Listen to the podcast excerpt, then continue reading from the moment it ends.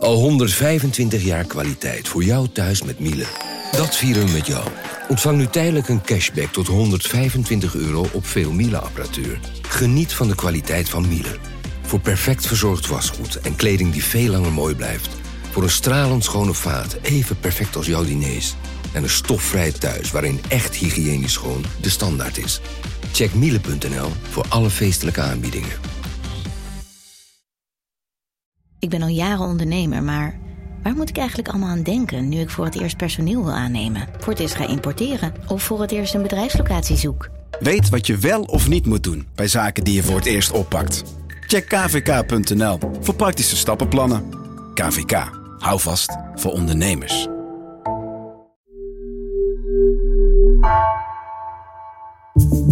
Vanaf de redactie van NRC het verhaal van vandaag. Mijn naam is Egbert Kalsen.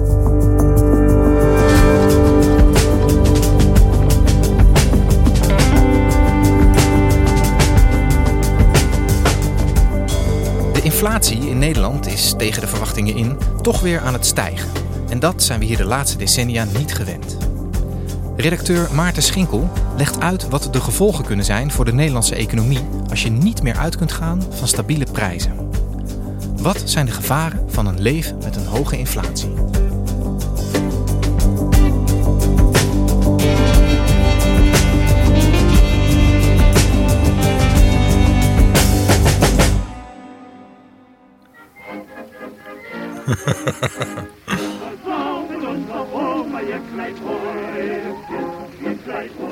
Dit is het liedje Wir versaufen unser Oma ihr klein Häuschen. We zuipen het huisje van oma op. Dus we verkopen het huisje van oma. En we hopen eigenlijk die avond dat het geld nog genoeg waard is om het op een zuipen te kunnen zetten. En dit was een, een hit in Duitsland in 1922. De periode van hyperinflatie. En als je hyperinflatie zegt, in Duitsland was het echt gewoon absurd. Waardoor geld eigenlijk gewoon al gedurende een week of een maand of op het laatst zelfs binnen een dag gewoon zijn waarde zo verloor dat je er heel anders weer mee om moest gaan. En het synoniem van inflatie is geldontwaarding. Het betekent uh, dat de prijzen van goederen en diensten die je koopt, dat die hoger worden.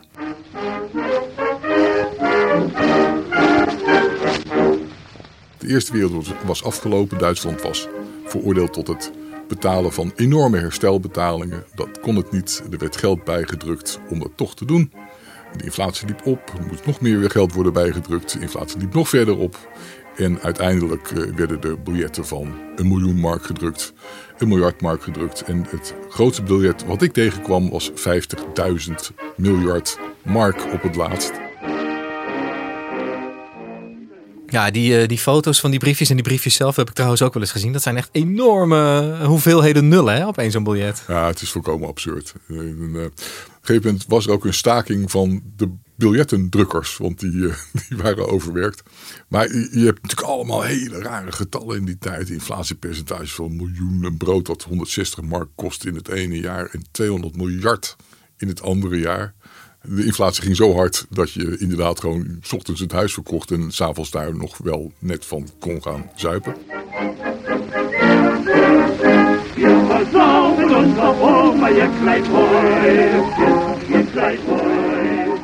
Naarmate het geld minder waard wordt, worden de schulden ook minder waard. Dus deze zangers hebben nog snel even een tweede hypotheek afgesloten. Want het terugbetalen van die tweede hypotheek is over een maand al een eitje.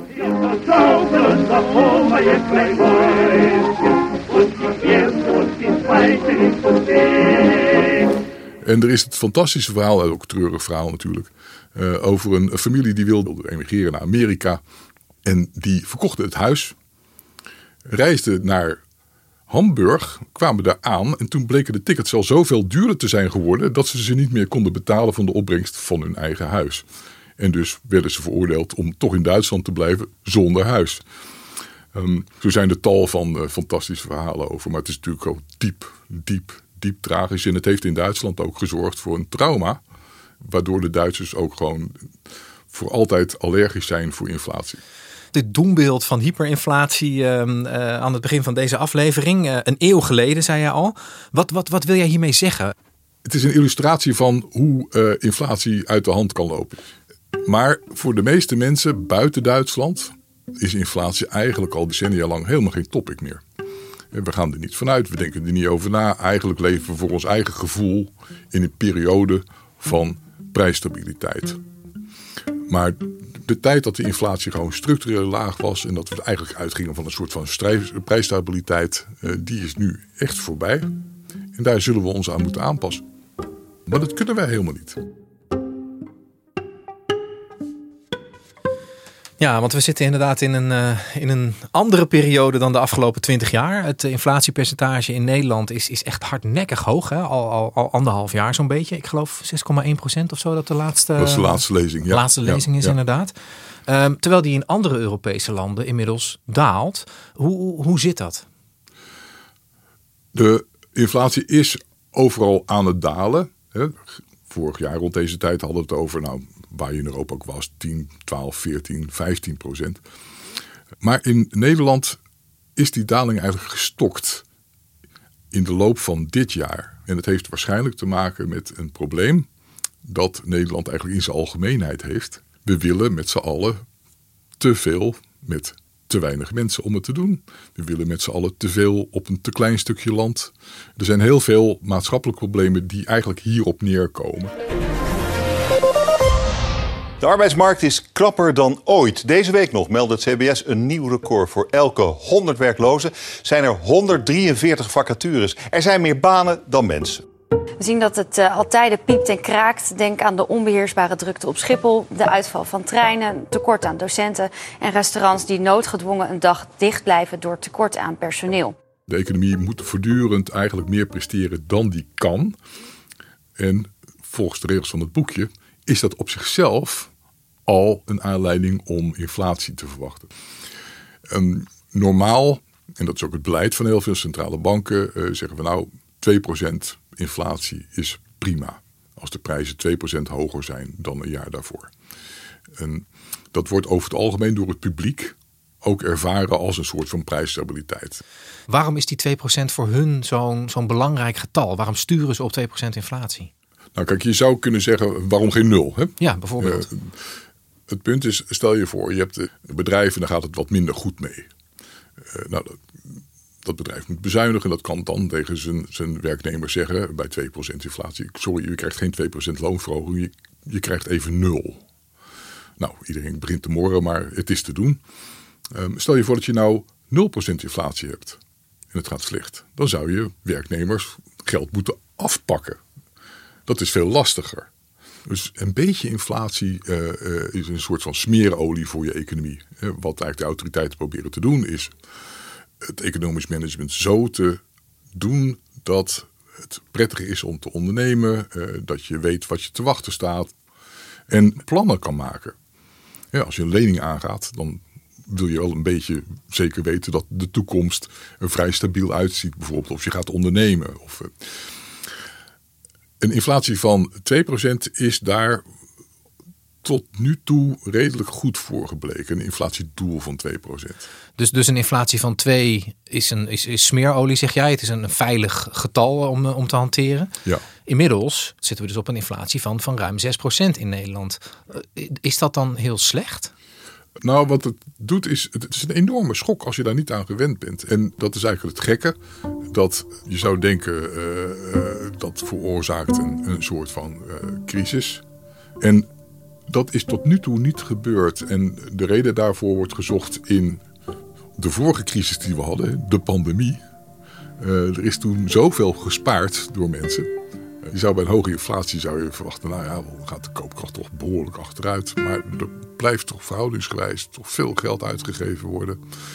En als je het heel simpel bekijkt, denk je, waarom hebben we die hoge inflatie eigenlijk? Nou, die brandstofprijzen zijn gestegen door de oorlog in Oekraïne. De voedselprijzen zijn gestegen door de, de oorlog in Oekraïne. Op moment is dat effect weg.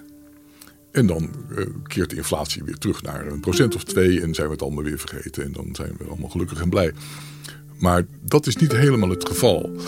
Uh, als je kijkt naar de kerninflatie, dus de inflatie zonder voeding en energie, uh, dan blijft die ook hoog. En het gevaar is dat die inflatie zich gaat nestelen in een samenleving. is dat hij eigenlijk hoog blijft, dat hij niet daalt. Dat hij zich eigenlijk gewoon ingraaft en dat hij niet meer uit te bannen is. En dat is natuurlijk een, ja, een vrij verontrustend vooruitzicht. Ja, Maarten, de, de, de angst is dus eigenlijk dat, dat die hoge inflatie waar we nu uh, mee te maken hebben, zich eigenlijk normaliseert, zich innestelt in de economie. Hè? Wat is daar dan precies zo verontrustend aan? Het is denkbaar dat mensen een bepaalde inflatie verwachten. Dan denken van, nou, dan ga ik een looneis stellen die in ieder geval mijzelf uh, daarvan neutraliseert. Dat bedrijven denken, nou, dan ga ik mijn prijs alvast verhogen om in ieder geval een soort verlies voor te zijn. En dat door die loonsverhogingen en prijsverhogingen die inflatie, die ze allebei willen vermijden, bewaarheid wordt. Het wordt een soort self-fulfilling prophecy als je niet uitkijkt. Ehm, dus klassieke loonprijsspiraal. Maar waar een deel van het maatschappelijk discours nu over gaat, is, is de prijsprijsspiraal, zoals je dat kunnen noemen. Namelijk dat bedrijven eigenlijk hun prijzen op dit moment bovenmatig verhogen. En daarmee zelf de inflatie opjagen. Dat is het hele debat over de grijflatie, zoals je dat noemt. Ja, mevrouw Marijnus, een paar weken geleden had niemand nog van het woord grijflatie gehoord. En nu is het niet uit de kranten weg te slaan. Is volgens u inmiddels bewezen dat het bestaat? Nou, lijkt me wel, even los van wat voor term je erop plakt. Maar uh, het feit dat de winsten die grote bedrijven maken historisch hoog zijn. En tegelijkertijd merk je gewoon elke dag dat steeds meer mensen de rekeningen niet kunnen betalen. De prijzen zijn het afgelopen jaar hard gestegen. Van boodschappen, benzine, energie, noem maar op. Maar is dat eigenlijk wel terecht? De Rabobank die komt deze ochtend met cijfers en de Telegraaf die schrijft daarover. Op de voorpagina zien we de conclusie: rekening gaat naar de klant. De prijsverhogingen zijn groter dan de extra kosten. En je weet ook niet of dit gedrag uit de hand loopt dat er een spiraal naar boven ontstaat bijvoorbeeld. Die, uh, die leidt tot nog hogere prijzen, nog hogere prijzen. In uh, Duitsland, Duitsland gebeurt natuurlijk nooit meer.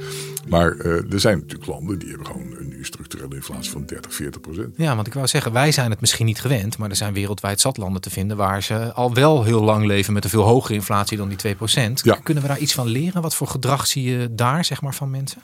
snel dingen kopen als je eh, je geld binnenkrijgt, daar snel iets van kopen.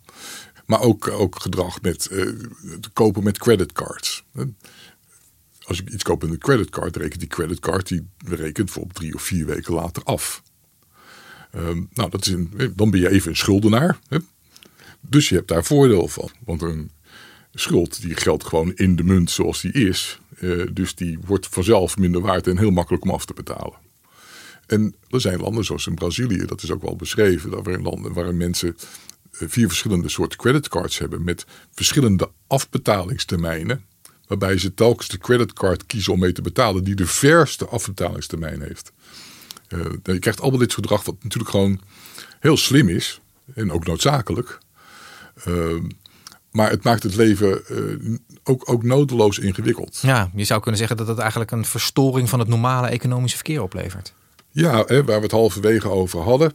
Uh, het, je bent gebaat bij een stabiele maatschappij en een stabiele economie, zodat je plannen kan maken, dat je kan ondernemen, dat je een huis kan kopen en dat je je dromen waar kan maken. En dat kan in een, in een periode van hoge inflatie en structurele hoge inflatie kan het een stuk minder goed. Ja, dus een situatie zoals in de landen die jij net beschreef, dat, uh, dat proberen we hier in Nederland en in Europa uh, te voorkomen. Uh, we willen gewoon terug naar dat normale niveau van 2%, zeg maar. Wat, wat gaat er nu mis in Europa waarom dat nog niet bereikt is? Nou, kijk, normaal, er is inflatie, die is te hoog. Je, je, hebt een centrale bank die verhoogt de rente. Daardoor wordt er minder geleend. dus er wordt ook minder besteed. En omdat de economie afkoelt en de vraag in de economie dus kleiner wordt, uh, kan je verwachten dat de druk op de prijzen afneemt en de inflatie ook daalt. Uh, dat is gewoon het beproefde, uh, beproefde recept. Maar kijk, er zijn heel veel um, dingen gebeurd in de afgelopen drie jaar met de economie. Je hebt een pandemie gehad, je hebt de opening van de economie na die pandemie gehad zo onstuimig dat gewoon als je daar grafieken van. normaal als je een grafiek, dat doe ik graag grafieken uitdraaien. Je ziet het, gigantische uitslagen die alles in de war schoppen. Uh, verbanden zijn uh, een beetje zoeken. Dus er zijn allemaal mechanismen die op dit moment uh, niet zo werken als ze zouden moeten werken. wat dat betreft zijn we echt in een soort laboratoriumsituatie verzeild geraakt. Uh, met een pandemie eerst en een oorlog daarna, uh, met een energiecrisis.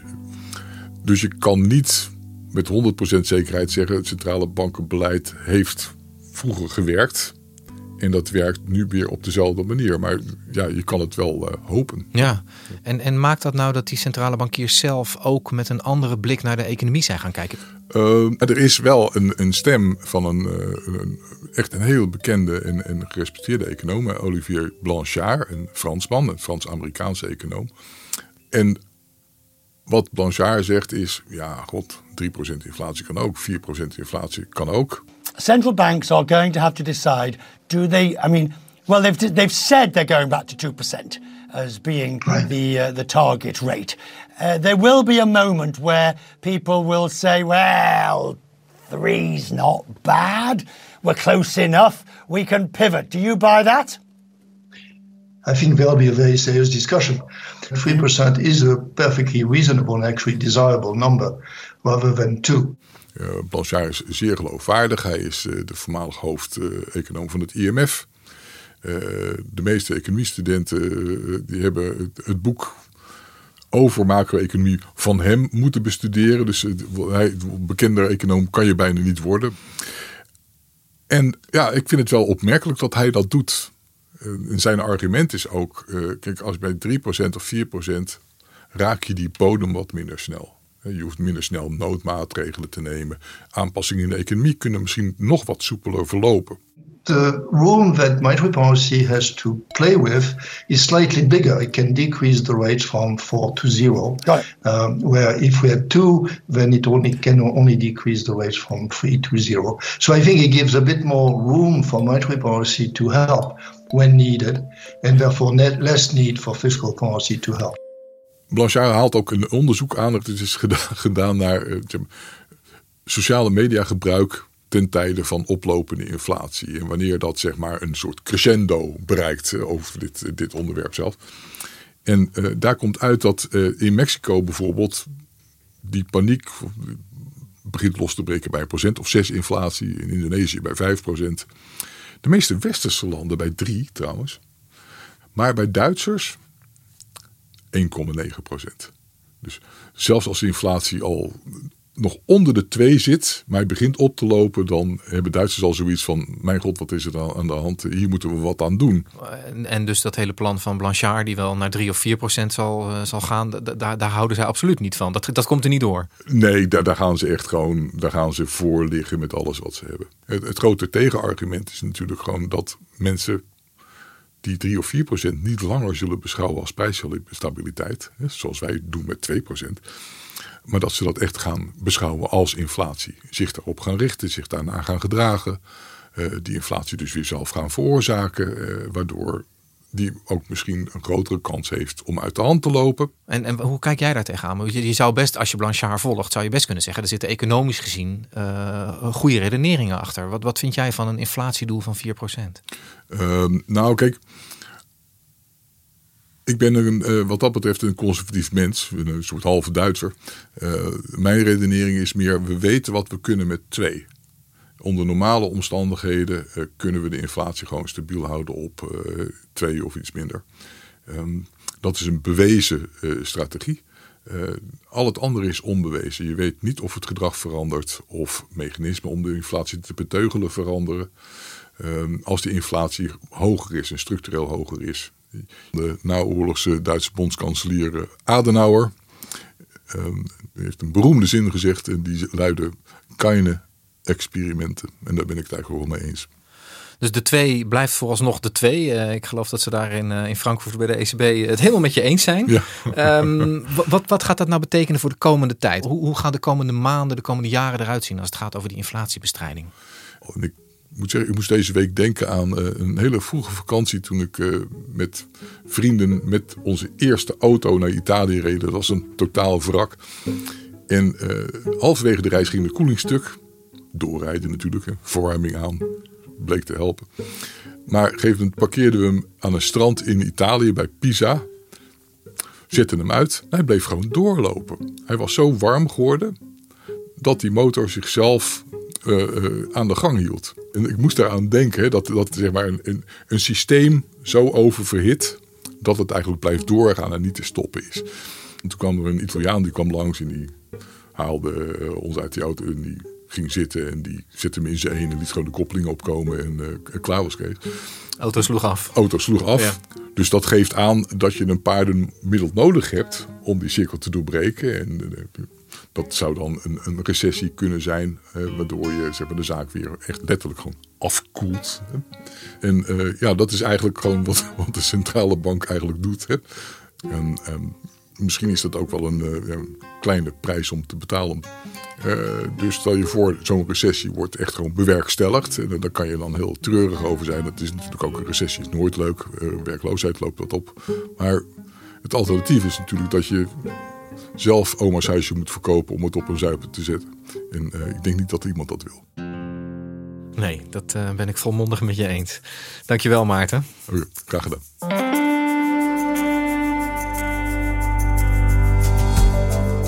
Je luisterde naar vandaag, een podcast van NRC. Eén verhaal, elke dag. Deze aflevering werd gemaakt door Esme Dirks en Ruben Pest. Coördinatie Henk Ruigrok van de Werven. Dit was vandaag.